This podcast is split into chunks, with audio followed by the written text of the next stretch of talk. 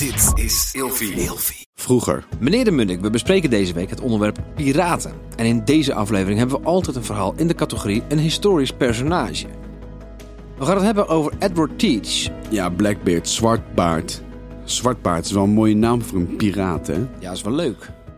Deze... Edward Teach is Ja, ook wel een goede naam Edward eigenlijk. Teach, ja. Of Edward Tetch. Sommigen denken dat hij Edward Drummond ook wordt genoemd. Hij was een Engelse piraat. Deze piraat had het psychologisch oorlog voeren goed door. Want hij zorgde voor een angstaanjagende ja, verschijning. Hij had dus lonten in zijn baard.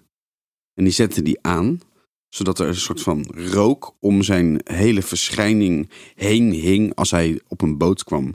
Hij had ook zes pistolen aan zijn borst hangen die hij kon afvuren.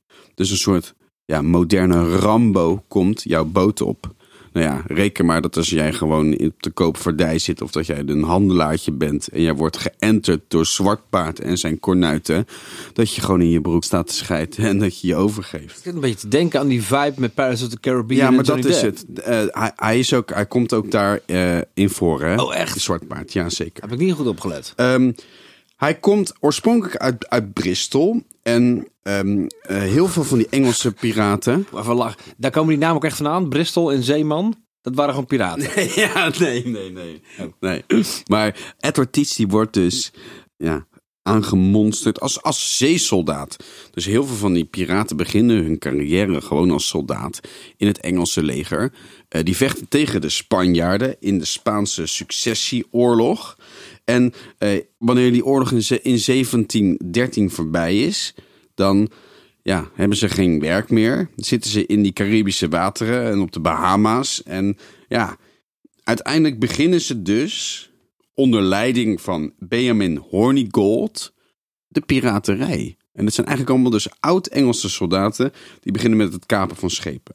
Nou, vervolgens krijgen deze piraten van eh, de Engelsen een soort generaal pardon. Dus ze mogen, ze, eh, ze mogen, als ze nu hun taken als piraat staken, dan gaan ze vrij uit, want anders word je opgepakt en opgehangen.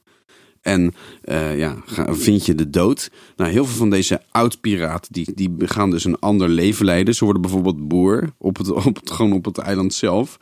En ehm, bij, bij ja, Zwartbaard blijft het toch een beetje, eh, ja, een beetje, hij, een beetje broeien. Hij zou toch wel graag nog een grote klapper willen slaan.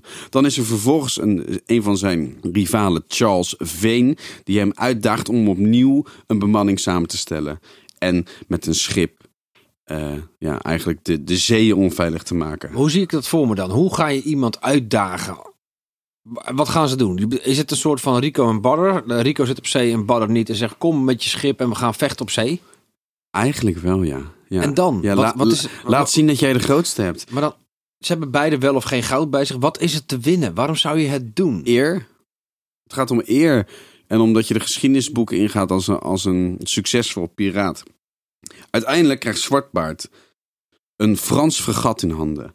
La Concorde. Wat is dat? Een boot? Ja, zijn boot. Een, een- en dit fregat heeft 40 kanonnen aan boord. En hij doopt die eh fregat om tot Queen Anne's Revenge. Nou, weet je, dat klinkt al fantastisch. En in 18 maanden vormt hij een ware plaag op de Caribische Zee.